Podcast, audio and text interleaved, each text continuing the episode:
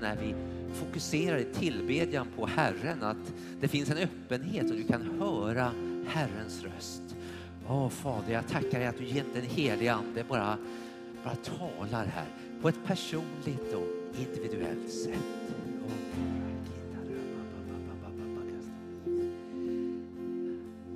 Amen.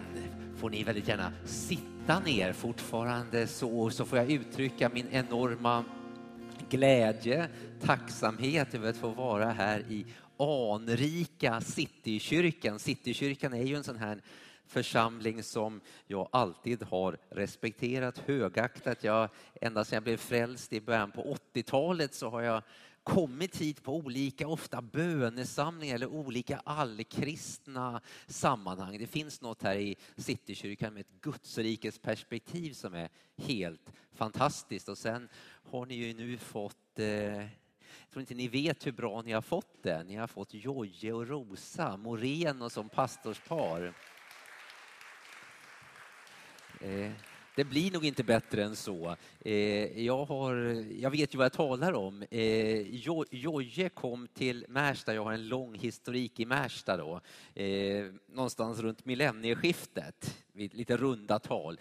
Pingstförsamlingen i Märsta, Märsta är en ganska mångkulturell, eh, nästan utanförskapsområde idag. Då, va? Men, så. Men i vår pingst, fina pingstförsamling i Märsta runt millennieskiftet, när man tittade ut en söndag så kanske det satt 100 pers i bänken, även om det var 200 medlemmar. Och då hittade du Medel-Svensson sittande där. Vi tittade runt och skulle se om vi hittade någon invandrare. Då hade vi en som kom från Finland. Och jag minns när vi åkte iväg på sån här äldsteresa och så sa vi, men vår församling ser ju inte riktigt ut som Märsta gör. Eh, och så började vi be om detta och Jojje kom i den här vändan och Sju år senare så hade vi en församling bestående av latinamerikaner i massor, afrikaner i massor, romer i massor eh, och under en period här så döpte vi 30, 40, 50 personer om året och eh, ja, vi gick då till 500 medlemmar plus som då var aktiva. Och jag skulle säga nu var detta Guds verk och Jojje kommer att bli väldigt upprörd och säkert Gud också om jag, eh, om jag inte ger Gud äran för detta. Men skulle man ge någon människa äran för det och säga att det var någon människa som betydde mer än någon annan så var det Jojje. Han kom in som ungdomspastor och hade ett sätt att koppla med människor, var nära människor. Jag vet när det kom sådana här Folk kom alltså, jag vet inte varifrån de kom, för det var ett väckelseskede. Plötsligt dök de upp där. Ja, udda människor ibland, ibland inte så udda. Och så, ja, de var där och så tänkte jag, tänkte, jag men jag tar dem till Jojje. Så förde man dem till Jojje så då ledde han dem till tro och döpte dem. Så, eh, jag vet vad, vad, vad Jojje har i sig och vad Gud har lagt i honom och Rosa är minst lika bra. Så ni är oerhört välsignade här. Eh, och jag, jag, tror att den potential som finns i Citykyrkan har ju aldrig riktigt tills nu då eh, blommat ut. Men jag tror att en tid är nu att den potential som, som finns här ska verkligen realiseras. Eh, med Jojje och Rosa här så tror jag att det är bara ytterligare ett tecken på att Gud vill någonting stort. Så, eh, nu sa ju Rosa så fina saker om mig här då, så jag behöver inte säga något mer, men jag kan ju ändå för för om någon kom lite sent, säga att eh, eh, om jag ska presentera mig själv så gör jag det med de fyra F-orden. Familjefar, företagsledare, förkunnare och författare. Så jag är lyckligt gift med Nancy eh, sedan 32 år sedan. Och vi har tre barn och två barnbarn, så det tycker jag är helt fantastiskt och en stor glädje. Eh, och eh, sen är jag då civilekonom från Handelshögskolan här i Stockholm och har en MBA-examen från USA och jobbat i ledande befattningar i svenska storföretag. Jag har varit ekonomichef på det som idag är Sandviks dotterbolag i USA. Jag har varit VD för Beckers, Becker Industrifärg på 90-talet. Jag var med runt millennieskiftet och eh, förvärvade från franska Sodexo det som heter Partena Care och namnändrade till Attendo och varit i koncernledningen på Attendo som en stor vårdkoncern idag, börsnoterad. Eh, så. Eh, och sen alltså, startade ett bolag som heter Anecta som är en corporate finance-firma där jag då är vd och delägare sedan 2008. Så det är liksom vad jag gör för att försörja mig. Så, okej, okay, så. Men mitt hjärta hjärta, det är i Guds rike och jag älskar att undervisa och predika Guds ord. När jag får möjlighet som Jojje så generöst har, har gett mig här så är jag väldigt glad för det är det som mitt hjärta verkligen bultar för och det har också då manat mig att skriva lite böcker så jag har Eh, de tre sista är ju tionde principen som är en, en sån här klassisk bok just om, om givande när vi går igenom från första Mosebok till Uppenbarelseboken och försöker hitta de bärande principerna. Och den är kurslitteratur på bibelskolor i Sverige och utomlands också faktiskt. Och sen har jag skrivit en bok som jag tycker kanske är det mest angelägna ämnet. Eh, från generation till generation om kallelsen att överföra tron till våra barn och barnbarn. Den är, ja, det är sånt där ett litet försummat ämne tycker jag då. Eh, men just därför ja, och sen har jag skrivit en bok med Jesus i arbetslivet. Jag tror ju att världens lyckligaste, det är inte de som är vackra och rika, utan jag tror att världens lyckligaste är de som hör Guds röst. Och det kan man göra, tro, det är ingenting man gör i kyrkan. Tro, det gör man i vardagen. Och det här är en väldigt praktisk bok om att höra Guds röst i vardagslivet. Och eh, jag har gett er möjlighet, just i Citykyrkan, så kan man få köpa, istället för en bok för 169 kan man köpa två för 300 eller tre för 425. Ja, kan man göra där ute sen. Nog om det nu, utan nu tänkte jag att vi skulle tala om ansvaret att finansiera Guds rike. Det låter väl kul? Ja, ja någon är entusiastisk här. Visst är kyrkan en helt fantastisk inrättning, Guds församling. När man kommer in så här på en, på en, eh, i en, i en kyrka där det är jättefin musik, vad duktiga ni var alltså så här. Och eh, no, någon som kanske har ett intressant och bra då föredrag. Man tar ingen entréavgift vid dörren. Alla är välkomna in helt gratis så där. Det är rätt fascinerande. Är inte det? Jag, jag, tycker det i alla fall. Skulle man gå på en konsert någonstans, du skulle ha liksom fått betala ganska bra inträde i alla fall med den här med, med Gabriel och Eva och gänget här. Det, det tror jag. Ehm, eh, och, och, sen när man ser kyrkor, ofta alltså så har de också barnverksamhet och man kan få skicka sina barn där. Eh, och det, det, brukar aldrig kosta några pengar. Och många kyrkor jag har sett, de anordnar också, ska man, har man småbarn eller lite större också, de ska vara med på olika aktiviteter, spela ishockey eller göra ditt och datten. Det kostar mycket pengar. Och det kan ibland vara svårt för, för familjer att ja, finansiera det. Men då kan ofta kyrkan erbjuda aktiviteter där barnen får gå utan att det kostar någonting. Är inte det här fantastiskt? Jag tycker det. Och när de kommer högre upp i åldrarna och många gånger så sträcker sig också kyrkan ut till dem som har av olika eh, anledningar drabbats av olyckor i livet som ja, eh, kanske har kommit lite, lite vid sidan om och har det jobbigt. Och, eh, det har blivit rätt vanligt i Sverige att när socialförvaltningarna inte räcker till. Det är ganska tuffa ramar idag. Man kan inte hjälpa så mycket som hjärtat säger. Då kan en socialsekreterare säga, men gå till kyrkan. Och tänk, där kan kyrkan plötsligt då, när inte, när inte kommunen räcker till, då kan kyrkan hjälpa, hjälpa till. Och, är inte, detta, är inte det här helt fantastiskt? Alltså, detta är kyrkan, detta är Guds församling. Och för att kunna göra allt detta, ta hand om barn och ungdomar, ta hand om de som har kommit lite i svårigheter och, och ha en högklassig eh, så att säga, eh, ja, eh, musik och, och, och förkunnelse. Man undrar, hur finansieras det här egentligen? Liksom, hur kan man göra det här? Har, har du funderat på det någon gång? Nej, det har jag inte. Jag tycker att kyrkan ska vara gratis. Absolut, de ska göra det här. Om kyrkan någon gång gör det, då säger jag, det är bra, det är det där kyrkan ska göra. Jättebra alltså. Men, men var får kyrkan pengarna ifrån? Ja, det får den väl av staten. Ja, får ni det här i Citykyrkan? Nej, det är ingen statskyrka. Jag har aldrig varit heller. Nej, nej. Så det här är här blir lite en fråga, alltså, vems ansvar, om man nu tycker att det här är bra, vems ansvar är det då att möjliggöra så att kyrkan kan göra allt det här goda? Kanske du kan vända dig om till din granne och fråga, vems ansvar tycker du det är att finansiera Guds rike? Kan, kan göra det så, på riktigt alltså? Ja. Det, det är helt okej.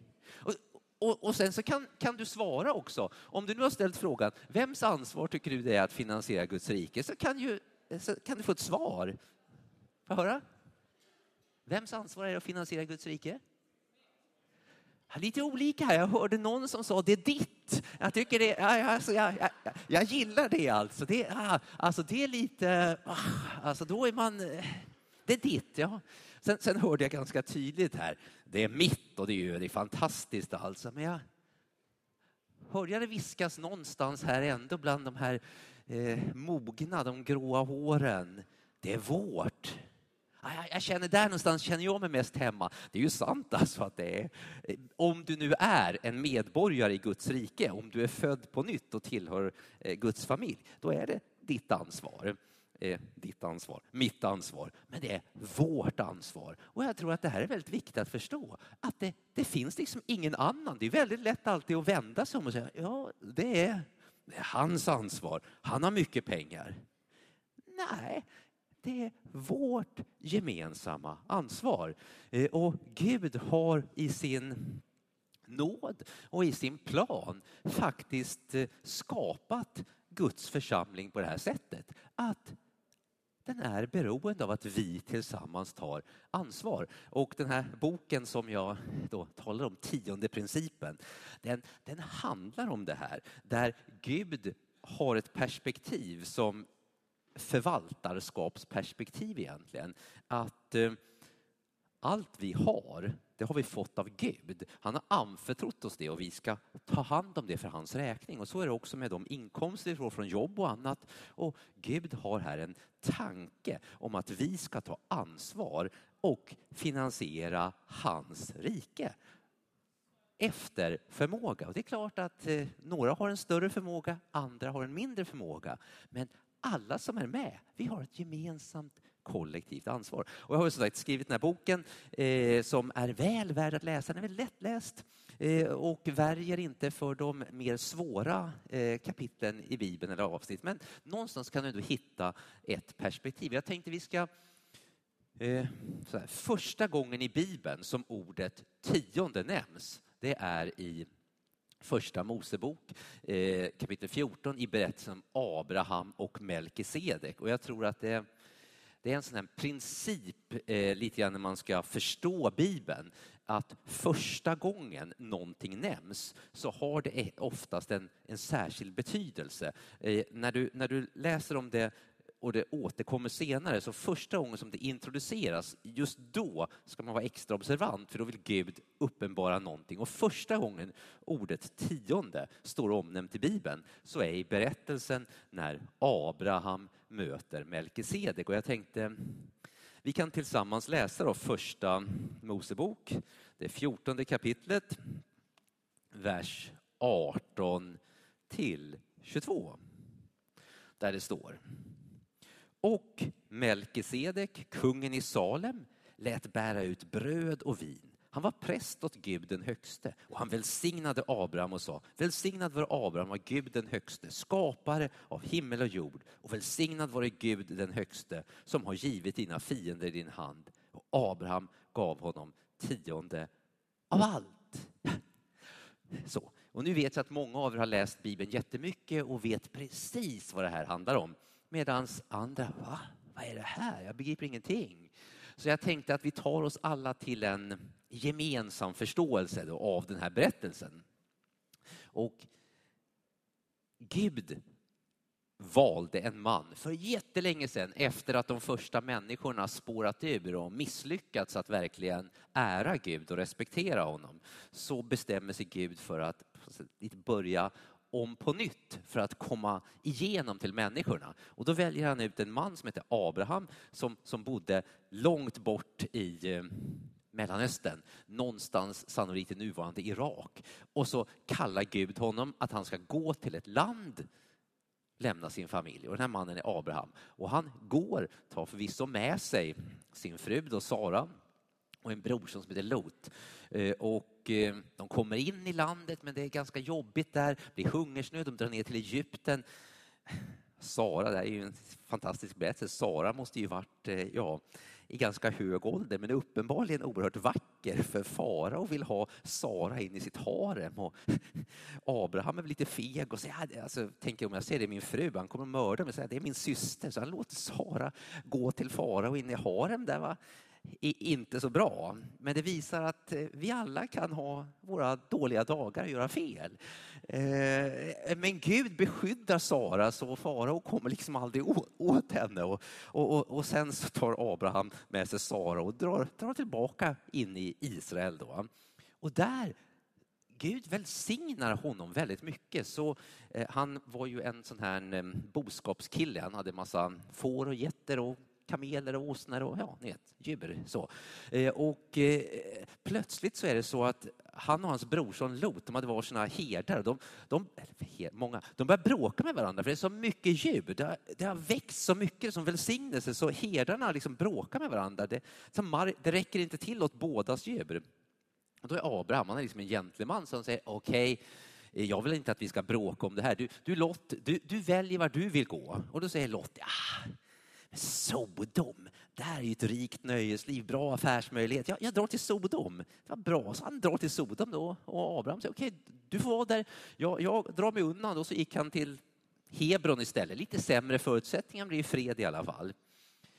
Efter ett tag så, så kommer då en, en fiende här in i det här förlovade landet. Eh, det är en militärallians med fem kungar, en, en ledare som heter Kedolaomer som gaddar sig samman. De, de, går från stad till stad och plundrar och förövar och, och så kommer de till Sodom och Gomorra och gör en, en räd där också och eh, slår folk till spillo, tar krigsbyte, tar också Lot som krigsfånge och går därifrån.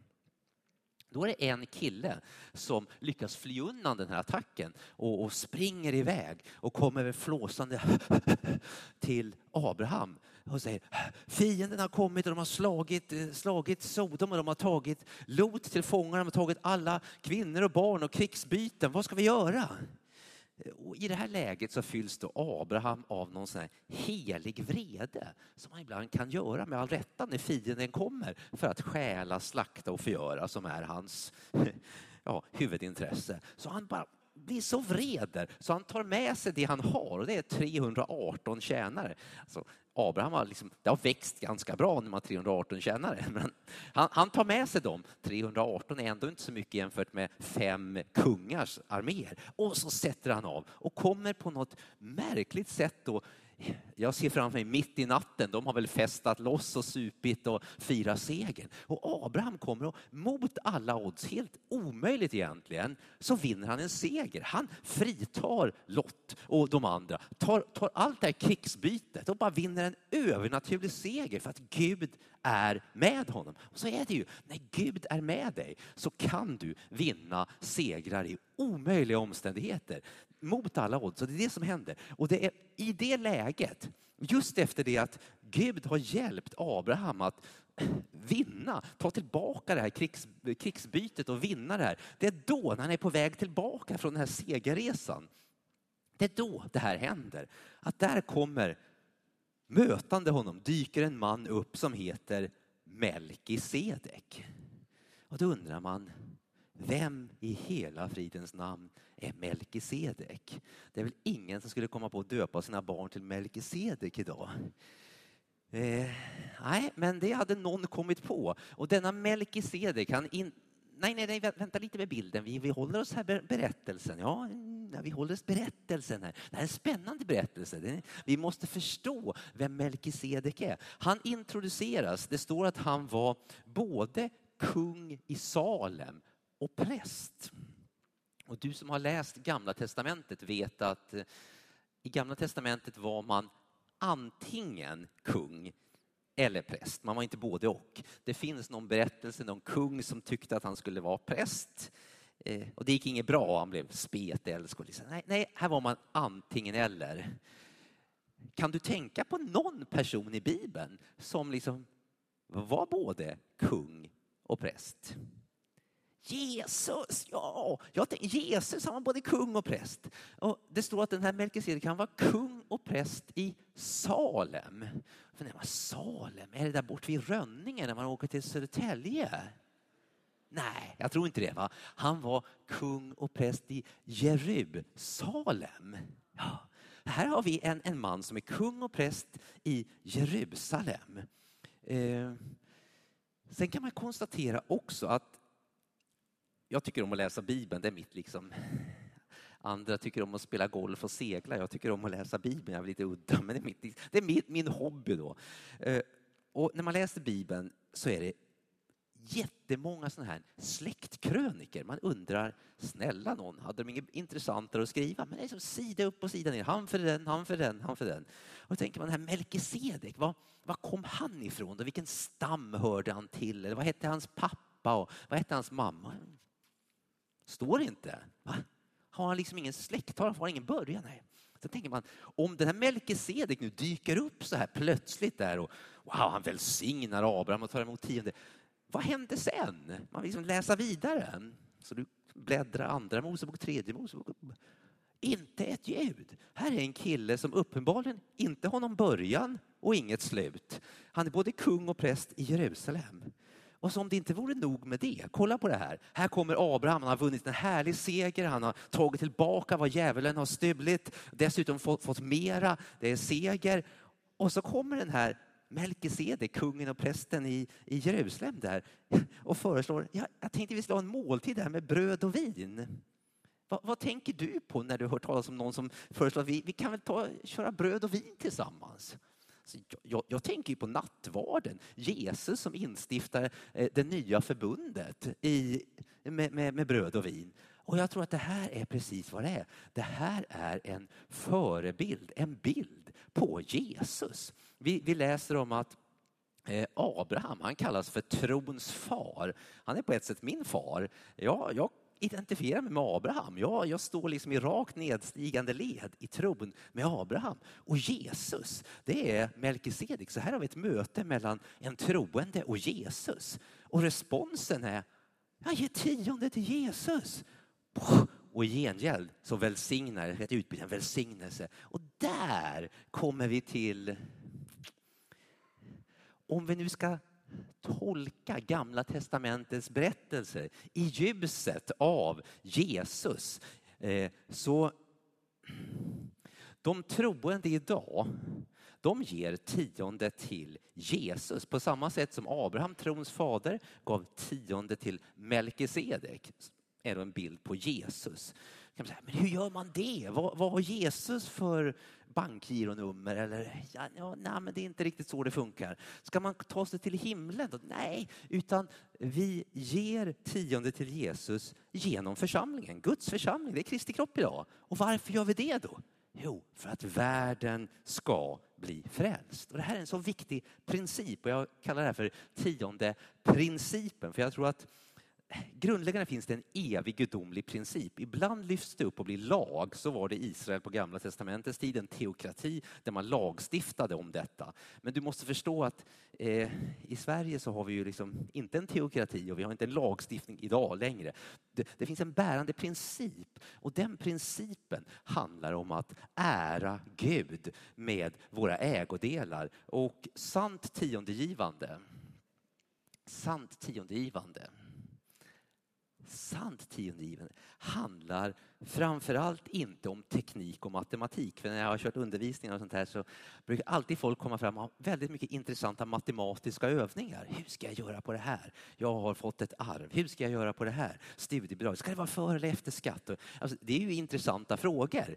Men på Jesu tid var många som kom och ställde liknande frågor till Jesus och han var liksom inte så jätteintresserad. Det är, liksom, det är hjärtat. Ge i tro, snöar du in på det här. Det är inte det som är grejen. Jag vill säga att sant tiondegivande handlar om ditt hjärtas inställning. Eh, och eh, vi har gemensamt ett ansvar att finansiera Guds rike. Och Gud förväntar sig att vi är med och gör det med 10 procent av vår inkomst. Och det gör han inte för att han vill dig illa, tvärtom. Han vill dig väl. Och det finns en, en, en givandets välsignelse som är väldigt, väldigt tydlig. Eh, och jag vill försöka illustrera det med eh, de av er som inte har varit i landet Israel bör åka till landet Israel. Ja. Eh, det är väldigt bra att åka till Israel. Gud älskar Israel. Om det är någonting Gud älskar så är det Israel. kan man fråga varför. Det är många varför man inte får svar på, men Gud älskar Israel och när Gud blev människa så valde han konstigt nog inte att födas i Sverige, inte heller i Argentina. Eh, han valde att födas i Israel. Och det, det finns en uppenbarelse i landet som, som Gud har lagt ner. Eh, och det man slås av om man åker dit eh, till ni, Jojje och Rosa är bra reseledare. De kan ta er med till eh, Israel. Då kan man åka upp till, till eh, Galileiska sjön, där Genesaret, där, där Jesus och hans lärjungar höll till. Och det är fascinerande, för dels kan man kolla i vattnet och, och de fiskar, det kommer massa färgglada fiskar. Och sen, men det, det bara blomstrar runt omkring. Det är sån färgprakt och sån, sån helt fantastiskt alltså.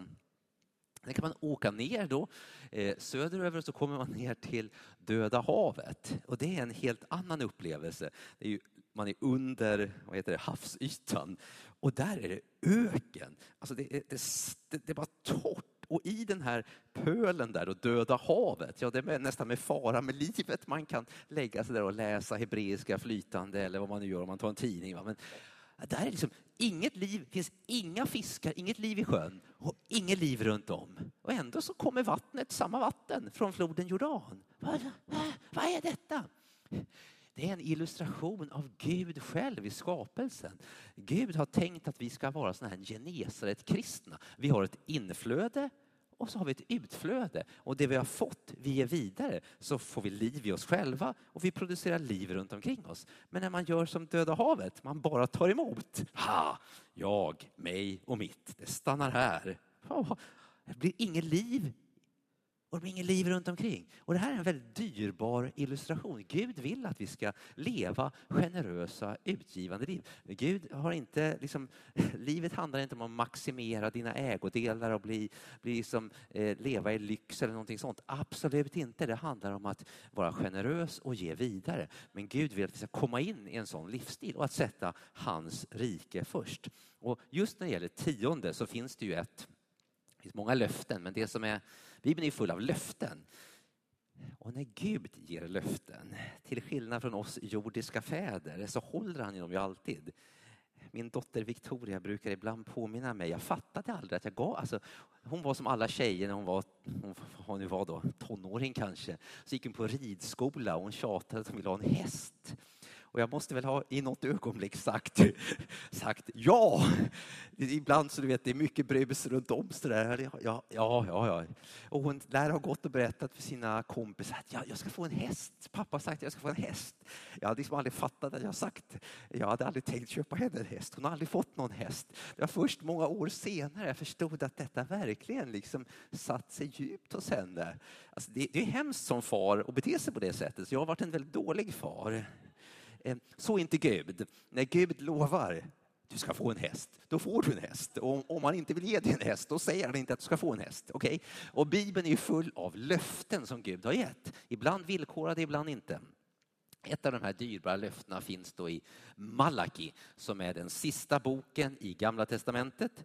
Den här profeten säger För in i Malaki kapitel 3, vers 10 till 11. För in all tionde i förrådshuset så att det finns mat i mitt hus. Och pröva mig nu i detta, säger Herren Sebaot, om jag inte kommer att öppna för er himmelens fönster och låta välsignelse strömma ut över er i rikt mått. Och för er skull ska jag näpsa gräshopporna så att de inte fördärvar frukten på marken, inte heller ska vinstocken på fältet bli utan frukt, säger Herren Sebaot. Och jag inser att 2017 i Stockholm kan det här tyckas märkligt och konstigt. Här talas om gräshoppor och vindruvor och ja, vad talas det om? Frukten och men det var en jordbruksekonomi och du måste se att vad det handlar om är att Gud ger ett löfte att om du för in full tionde i mitt hus, om du liksom ger tionde, då lovar Gud någonting. Både någonting som är väldigt, så att säga, ett, ett flöde som har kommit till det. Han talar om att jag ska öppna himlens fönster och det är så här, jag tänker himlens fönster, när man läser om Noa och syndafloden, då öppnades himlens fönster, och började regna. Regn är ju i andra länder en välsignelse, i Sverige ser vi inte riktigt så, men i en, i en Mellanöstern-kontext så är regn en välsignelse. Och han talar om att öppna himlen, bara, bara, som nästan som, en, som det var på Noas tid. Men det är välsignelsen som ska regna ner, inte, inte förödelse. Wow! Sen talar han om att, att han ska på något sätt också näpsa gräshopporna.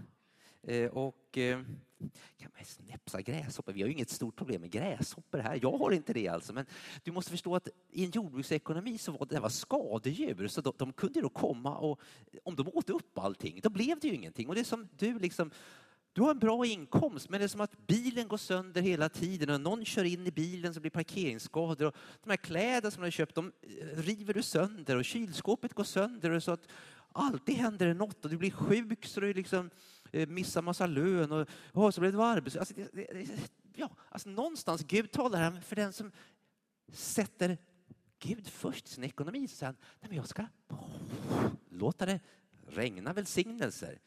Men vi vet ju det att även om det regnar välsignelser och sen det bara åker ut, liksom, det liksom bara åker ut för allting, det blir ändå inget över. Men alltså, jag, jag kan se till så att inte ens de här Eh, gräshopporna som vill förstöra, så det, vilket löfte av Gud. Och eh, det här är ett löfte som jag tror som andra löften Gud vill utmana oss med, för ibland så kan det låta Nej, jag tror inte riktigt på det där. Du förstår inte om du visste hur jag hade det. Och det vet jag inte, jag har inte sagt det. Men eh, jag kan bara berätta mitt eget vittnesbörd. Och det, så det, det, är ju i alla fall sant utifrån jag har upplevt det. Sen är ditt liv kanske då, eller garanterat annorlunda. Och jag, jag blev frälst då när jag gick på Handelshögskolan för, för länge sedan här. Och direkt efter det så fick jag stipendium och åkte över till USA och tog en MBA-examen. Och när jag var i USA så kom jag med i en pingstförsamling, pionjärförsamling, väldigt härlig församling. Och wow, jag, jag verkligen älskade den. Och där hörde jag att när de tog, tog upp kollekten så brukar de ibland någon fick för sig att läsa Malaki 3 och 10 så här. Va, vad är det här? Aldrig hört talas om. Tionde. Det har jag aldrig hört någon säga något om i Sverige. Och jag bara kände, wow, jag skulle vilja ge tionden. Men där satt jag som en fattig student. Jag hade ju inga lön eller något. Jag bara så gick den här kollektboxen förbi och tog och gav liksom en dollar då bara för att ändå vara med. Men jag längtade, jag måste säga, jag längtade till den dagen jag skulle få mitt första jobb så jag faktiskt skulle kunna vara med och ge tionde. Och så blev jag klar med skolan och åkte hem till Sverige. Jag har en tvillingbror som ser likadan ut som mig. Det var någon som trodde att jag var han. Eh, ja, men så är det ju ibland. Det är jag inte alls. Jag är inte min tvillingbror, utan jag är mig själv. Ja. Eh, och brorsan fick jobb på, inom bank, då, SEB. Och jag ganska snabbt efter blev erbjuden jobb på Handelsbanken. Men då, då sa jag, nej, nu räcker det. Nu ska vi dela på oss. Det räcker att han är i bank. Jag, jag ska ha något annat. Så, och så kom det sig att jag tog mitt första jobb i Hallstahammar på det förnämliga industriföretaget som då hette Kantal. Det är idag Sandvik. Eh, och det här är eh, huvudkontoret, Kantals huvudkontor i Hallstahammar. Hallstahammar, kanske inte ni, är det någon som varit i Hallstahammar? Ja, du har varit där, underbart. Det är annars inte en ort som många besöker. Och jag hade aldrig besökt Hallstahammar, men jag kom dit och då fick jag jobb på skyskrapan. De kallade det där sexvåningshuset där huvudkontoret var, där en bruksort. Jag hade varit i USA, jag hade varit i New York, jag hade sett vet, skyskrapor. Och det här, au, du får sitta i skyskrapan. Ja, ja bara liten så. Och jag, jag fick då, eh, eh, och, och då var det så att på sjätte det här var en bruksort. Så på sjätte våningen högst upp, där satt koncernchefen, vd då, och vice koncernchefen, vice vd, med varsin sekreterare. Så var det. Och jag då som var en liten nyanställd, eh, jag satt på fjärde våningen, jag var assistent till han som var vice vd och ekonomidirektör. Och då gick det till så här, så jag bara säga också, min första lön som nyutexaminerad civilekonom och MBA var då 7500 kronor i månaden före skatt. Så, där, där började vi. Och jag minns fortfarande den glädjen ändå när jag fick min första lön. Och jag kom ju från USA, det var självklart att ge på, på bruttot. Jag, jag gav 750 kronor in i församlingen. Wow, jag är med! Underbart, va? Underbart! Jag, så. Eh, men när jag jobbade här på huvudkontoret på skyskrapan så gick det till så här att sekreterarna som satt på sjätte våningen, de ringde ner till mig som satt på fjärde våningen och sa direktör Forsberg, för det var så man talade, det här var en bruksort. Direktör Forsberg vill att du träffar honom. Då gick jag in i hissen och så åkte jag upp till sjätte våningen och så gick jag in och så sa ja, här är jag. Och så talade han om vad han ville jag skulle göra och så åkte jag ner igen. Det är liksom så. Ja. Eh, ja, en annan värld kanske än vad vi är vana vid, men så, så gick det till då. Ja, ja, så. Eh, den här, när jag började mitt, mitt jobb här då, så ganska direkt efter, den församling vi varit med i USA, pingstförsamlingen där, de brukade varje år brukade pastorn eh, göra en missionsresa. Han ville liksom, ja, något sätt nå onådda folk eller åka och hjälpa till praktiskt. Och men här hade det fötts en längtan att de skulle göra en missionsresa till hednalandet Sverige. Det är lite udda, men de hade fått för sig det. De hade fått nöd för detta gudsförgätna land. Så den sommaren så kom det sig då att pastorn och pastorsfrun tog med sig team och skulle åka till Sverige på missionsresa. Då bad de mig och brorsan att hjälpa till att fixa detta. Och pastorsfrun, hon var väldigt musikalisk, men hon ville ha hjälp av sin stora syster Leilani eh, som då var gift och lilla syster Nancy som inte var gift, som bodde Seattle på andra sidan USA och hjälpa henne med lovsång. Så kom de och så i tre veckor åkte de runt i Sverige och hade gatuevangelisation och predikade och lovsjöng och så. Eh, och där, under de här tre veckorna, så kom jag då väldigt nära Nancy, ja, väldigt nära. Det började florera ett rykte. Per-Olof är kär, fick mina föräldrar höra ryktesvägen då. Mm. Per-Olof är kär, ja. Oh. Och det stämde alltså. En fantastisk tjej. Så här, eh, gått ut bibelskola och brann för Herren och grät över Sverige. Och, ja, eh, och, men så åkte hon tillbaka. Och det här är länge sedan. Ni som ledde lovsång var nog inte födda på den här tiden en gång. Alltså. För det här var på den tiden när eh, telefonitjänsterna, det hette inte Telia, det hette Televerket. Eh, ja, det är länge sedan alltså. Det var jättedyrt att ringa utlandssamtal. Det fanns inte Skype, det fanns inte internet. Eh, men jag började då ändå skriva brev till Nancy. Hon skrev, tre gånger i veckan skrev jag brev. Och, men hon bor då i Seattle på USAs västkust, det är nio timmar bort. Alltså nio timmars tidsskillnad. Och efter ett tag så börjar man ändå fundera. Är det här liksom rimligt? Här har vi träffats under några veckor. Alltså, vad gör man med det här? Mm, Var det här för bra för att vara sant? Det, det som verkar för bra för att vara sant, det är ju oftast det. Va? Såvida det inte är Gud. Det är ju så. Va? Ja, och så jag, jag hade ju då från min tid på Handelshögskolan, lärjungaträningen där inne i det som var Credo eller SSG heter, jobbat väldigt mycket med bibelmemorering. Och jag gick då, varje dag gick jag och bad. Jag gick ut i Hallstahammar, bad i tungor. Och så, jag hade memorerat jättemycket bibelversar. Eh, och men en dag när jag går och ber i tungor så kommer en annan bibelvers upp, en som jag inte hade memorerat. Men eh, som ni vet, mitt fritidsintresse är att läsa Bibeln. Så det är så om du tittar jättemycket på serier så kommer du säkert ihåg jättemycket serier. Och läser du Bibeln jättemycket kommer du säkert ihåg bibelord. Det är lite, lite så man lägger tid på. Och plötsligt när jag går där och ber i tungan så kommer det här bibelordet. Den som sätter handen till plogen och vänder sig om. Han är inte skickad för Guds rike. Och jag vet, jag har ju berättat den här berättelsen några gånger också för mina barn och de säger, men så där pappa säger du inte att vi ska göra. Eh, alltså, för jag tolkar den här, bibelberätt, den här bibelstoryn. Jag har satt handen till plogen med relationen med Nancy. Jag ska inte vända mig om. Så jag bestämmer för att fria till Nancy efter att ha sett honom, henne då i tre veckor. Ja, det är det mina barn har sagt. Så där ser du ju att vi inte ska göra. Och det, det, det är ju helt rätt, det är så man inte ska göra. Men, men det finns undantag från regler. Så så jag tolkar detta i min, vet, ändå att höra Guds röst. Eh, så jag, okej, okay. Och igen, det här var då en tid, det var jättedyrt att ringa. Då, då gick jag in på posten, eh, där de hade en produkt som hette Postens ljudbrev. Det var en kassett och så satte man in och spelade in på ett kassett med det. Nancy, I love you.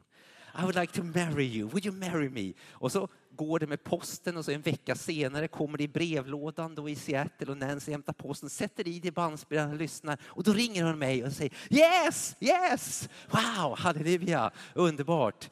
Eh, men då tänker jag, jag måste göra något åt saken. Ja, det är bra. Eh, eh, så då, då tänkte jag, jag måste köpa en flygbiljett och åka ut och förlova mig till eh, jul och nyår. Eh, och på den tiden så gjorde man inte det på nätet. På den tiden så var det inte avreglerat flyg heller, så det var nationella flygbolag och det var väldigt dyrt. Så jag åkte in till närmaste storstad, Västerås, och gick in på en resebyrå. Så jag skulle ha en resa till Seattle över jul och nyår. Och så tittade hon vad det kostade. Så här. Det var jättedyrt. Så, så mycket pengar har jag inte. Ja, men jag måste ju boka den. Så jag, då kunde man göra så man betalade, om det var 10 eller 20 procent, jag kommer inte ihåg, i någon deposition, så jag hade bokat biljetten. Och det här måste varit kanske i september, vad vet jag. Va? Och så i december när jag skulle resa, då skulle jag betala det. Så handlingskraftigt där då. Och sen, sen gick ju månaderna och jag insåg rätt snabbt 7500 före skatt, tionde, hyra, bil. Det här blir svårt alltså. Men jag var väldigt, mina föräldrar sa också, hur har du tänkt det här då? Gud ska försörja, för jag var en tiondegivare. Jag gav tionde och jag hade ett löfte att Herren skulle öppna himmelens... Jag var helt övertygad, helt övertygad. Så övertygad som nästan bara en nyfrälst fanatiker kan vara. Eh, men, men jag var det. Eh, och så, så gick det och jag kände det här börjar bli lite tungt faktiskt. Men en dag, närmast jul nu då, så Normalt sett så var det alltid jag blev uppkallad. Pia ringde, direktör Forsberg vill att du kommer upp. Och så åkte jag upp på sjätte våningen. Men en dag så kommer då direktör Forsberg överraskande in på mitt rum på fjärde våningen. Och då får han se ett fotografi på Nancy på mitt skrivbord och säger han, vem är det där? Ja, det är min fästmö, säger jag. Jaha, vad heter hon? Jag heter Nancy. Var kommer hon ifrån? USA? Jaha. Mm. Var då någonstans då? Ja, Seattle. Så, jaha. Mm. Ja, jag funderar på att förlova mig, kanske åka över till, till jul och nyår. Så, jaha. Mm. Är det något vi kan göra för dig, säger han sen. Och jag, jag tänker, ju mindre han engagerar sig desto bättre. Jag kände han, han ska nog inte ha med det här att göra. Alltså. Så, nej, det, det, tror jag inte, säger jag, för jag kan verkligen inte tänka på vad han skulle kunna göra. Alltså, det var svårt för mig att tänka. Men då är det som att man tänker själv. Ja, vi kan ju inte köpa ett dotterbolag i Seattle bara för att du har kärat ner dig, ungefär som det skulle varit ett krav. Men vi har ju ett dotterbolag i Connecticut, det ligger alltså på östkusten utanför New York.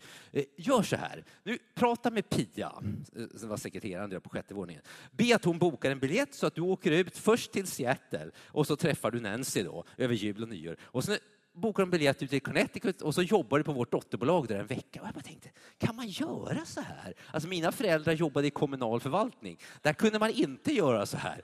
Jag bara liksom, men men jag, jag var så inställd på att himlens fönster var ju öppet. Så, så när, när, han gick ut, jag minns det fortfarande, på fjärde våningen där skyskrapan i Hallstahammar. Jag stängde dörren och så utbrast jag bara Halleluja! Ah!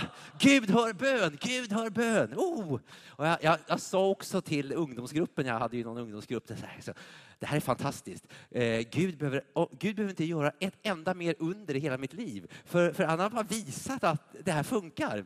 Och ibland får man ju ångra vissa saker man säger. Då. Så jag åkte ut till, till Seattle och förlovade mig med Nancy, köpte förlovningsring, köpte vigselring och Nancy var ju underbar. Jag såg också vilken, vilken gåva hon hade när vi gick runt och, och shoppade. Nancy var mycket intresserad av shopping. Eh, och, eh, eh, och då hade hon en gåva. Hon kunde säga så här, jag frågade vad tycker du om? Och så, den här tycker jag om. Och jag har liksom inte den här blicken utan jag, jag gick mer och tittade på prislapparna. Då. Och, och då konstaterade jag att utan undantag, det är Nancy utan att titta på prislapparna, det är hon liksom sa, det här tycker jag om. När jag liksom gått igenom den här rollen så var det alltid den dyraste grejen. Wow. Okej, okay, ja. Men halleluja, en underbar tjej alltså som älskar Jesus. Så jag, kom, jag kommer tillbaka till Hallstahammar då, fullständigt utblottad. Och vi har satt att Nancy hade en kallelse till Sverige, vi ska gifta oss nästa sommar. Och då ska vi gifta oss i Seattle och sen ska Nancy flytta till Sverige. Och där börjar jag ju känna plötsligt det här när jag sa du behöver aldrig göra något mer under för mig Gud, det räcker. Att det var ett förhastat löfte. Här, här inser jag plötsligt, okej, okay, nu har jag inga reserver. Jag tjänar fortfarande 7500 kronor i månaden före skatt och det här är före skattereformen 91 så det var inte mycket kvar. Eh, och nu så ska jag då åka ut och gifta mig med Nancy, finansiera liksom flygresa dit, ta henne till Sverige. Hon ska bosätta sig i Hallstahammar i min lägenhet, läsa svenska för invandrare och jag ska försörja henne på 75 Jag kände det här är ah, ja, ja, gud. Men, men jag är en tiondegivare. Och sen, sen, sen tänkte jag så här också. Jag gjorde ett misstag. Jag gick ju och köpte den här biljetten på resebyrån i Västerås och betalade vad det var 20 procent i deposition. Jag ska inte göra om samma misstag igen. Jag ska lita på Gud. Det ska liksom inte, inte vara köttet här. Ja, eh, så, ja, ja. Eh, jag hade säkert kunnat få de där depositionen tillbaka från Pia, men jag kände där liksom, samvetet sa ifrån. Så jag tänkte, nej, jag bokar ingen biljett, jag väntar på Gud. Och tiden kan gå ganska snabbt sådär ändå. Det är januari, februari, mars, april, maj, juni, juli. Och mina föräldrar bokade biljett till bröllopet och min brorsa bokade biljett till bröllopet och några goda vänner bokade biljett till bröllopet. Och ja, Gud, var är du? Eh, och jag, jag, jag, ska ärligt säga, jag har inte varit lagd åt det här. Vissa har ju, man kan ibland bli lite tungsint och det känns svårt. Jag, jag har inte varit lagd åt det hållet, utan men där för första gången i mitt liv började jag känna att det var mörkt. Alltså. Det, var, det, det, det, var, eh, det kändes väldigt tungt. Men jag stod fortfarande.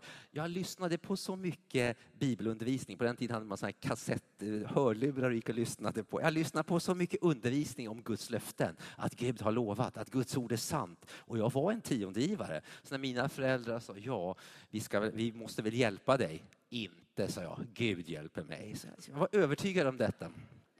Jag minns då den här söndagen. Eh, om jag inte så att säga, bokade biljetten på måndag eller veckan som kom, då skulle jag missa mitt eget bröllop. Jag gick, jag gick till kyrkan på söndag förmiddag.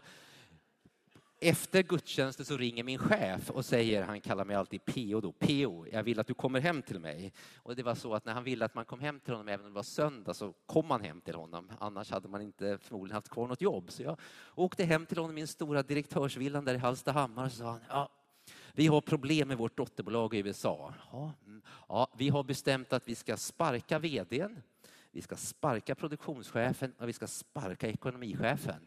Ja, ja. Eh, och så tänkte jag, vill du bli ekonomichef? Jag var, jag var i det läget då 25 år och skulle fylla 26 och bli ekonomichef i det största dotterbolaget i USA. Det var ganska stor grej sådär. Eh, ja, mm. Du får fundera på det här då, prata med Nancy och ransaka hjärtan och njurar. Han visste att jag var frälst för jag hade svårt att hålla tyst om det. Jag hade en banderoll på min begagnade Saab där det väldigt tydligt stod att jag trodde på Jesus. Och var, så, så vill jag veta på måndag. Och jag bara tänkte, wow, wow, men det, jag bara, bara tänker igen. Men alltså, okej, okay. de erbjuder mig att bli ekonomichef i USA. Då kommer de att betala hela min resa från Hallstahammar över till Seattle och gifta mig med Nancy flytta mina grejer från Hallstahammar till Connecticut, flytta Nancys grejer från Seattle till Connecticut och så blir jag Vice President Finance, ekonomichef i USA. Alltså det är mycket bättre än att Nancy kommer till Hallstahammar, svenska för invandrare, jag ska försörja henne på 75 det, det, det här är ju Gud! Men så, jag ringde Nancy, hon var först lite tveksam för hon ville väldigt gärna komma till Sverige och det, det förstår man ju. Men eh, sen såg hon också, detta är ju Gud. Och så kom det sig att vi började vårt gemensamma liv i Connecticut. Eh, och jag är evigt tacksam till detta. Jag kan säga, hade inte jag, hade inte jag varit en tiondegivare, hade inte jag stått på Guds ord, hans löften, tror jag aldrig hade hänt. Och det är min erfarenhet. Har jag alltid haft ett lätt liv efter det? Nej. Har Gud alltid varit trofast efter det? Ja, alltid. Alltid. Och det är mitt budskap till dig här idag. Våga tro på Gud. Våga tro på Gud. Våga tro på Gud. Och det här är ett område när man talar om tiondegivande och sånt där. Det är väldigt mycket fördömelse som kan finnas. Man kan känna att man har läst in att man är under en förbannelse för att man då inte har gett tionde. Och jag vill bara tala om för dig att Jesus dog på korset. Han tog på sig straffet för alla våra tillkortakommanden, alla våra brister, inklusive att inte ha gett tionde. Så du behöver inte känna att du liksom lever under en förbannelse. Jesus har tagit förbannelsen. jag är inte här för att lägga någon tyngd på dig. Jag är här för att peka på en, på en väg. Att vi, vi, har ett, vi har fått en fantastisk favör att av fri vilja leva i tro på Jesus. Att vara med och ta ansvar för finansieringen av hans rike. Och som toppen på detta har Gud lovat att han ska öppna himlens fönster över oss. Det, det, det här är för bra för att vara sant. Men då är det antingen är det för bra för att vara sant eller så är det Gud. Och min eh, erfarenhet är, på samma sätt som Nancy var ifrån Gud, så är det här löftet ifrån Gud. Och jag skulle vilja utmana dig här idag.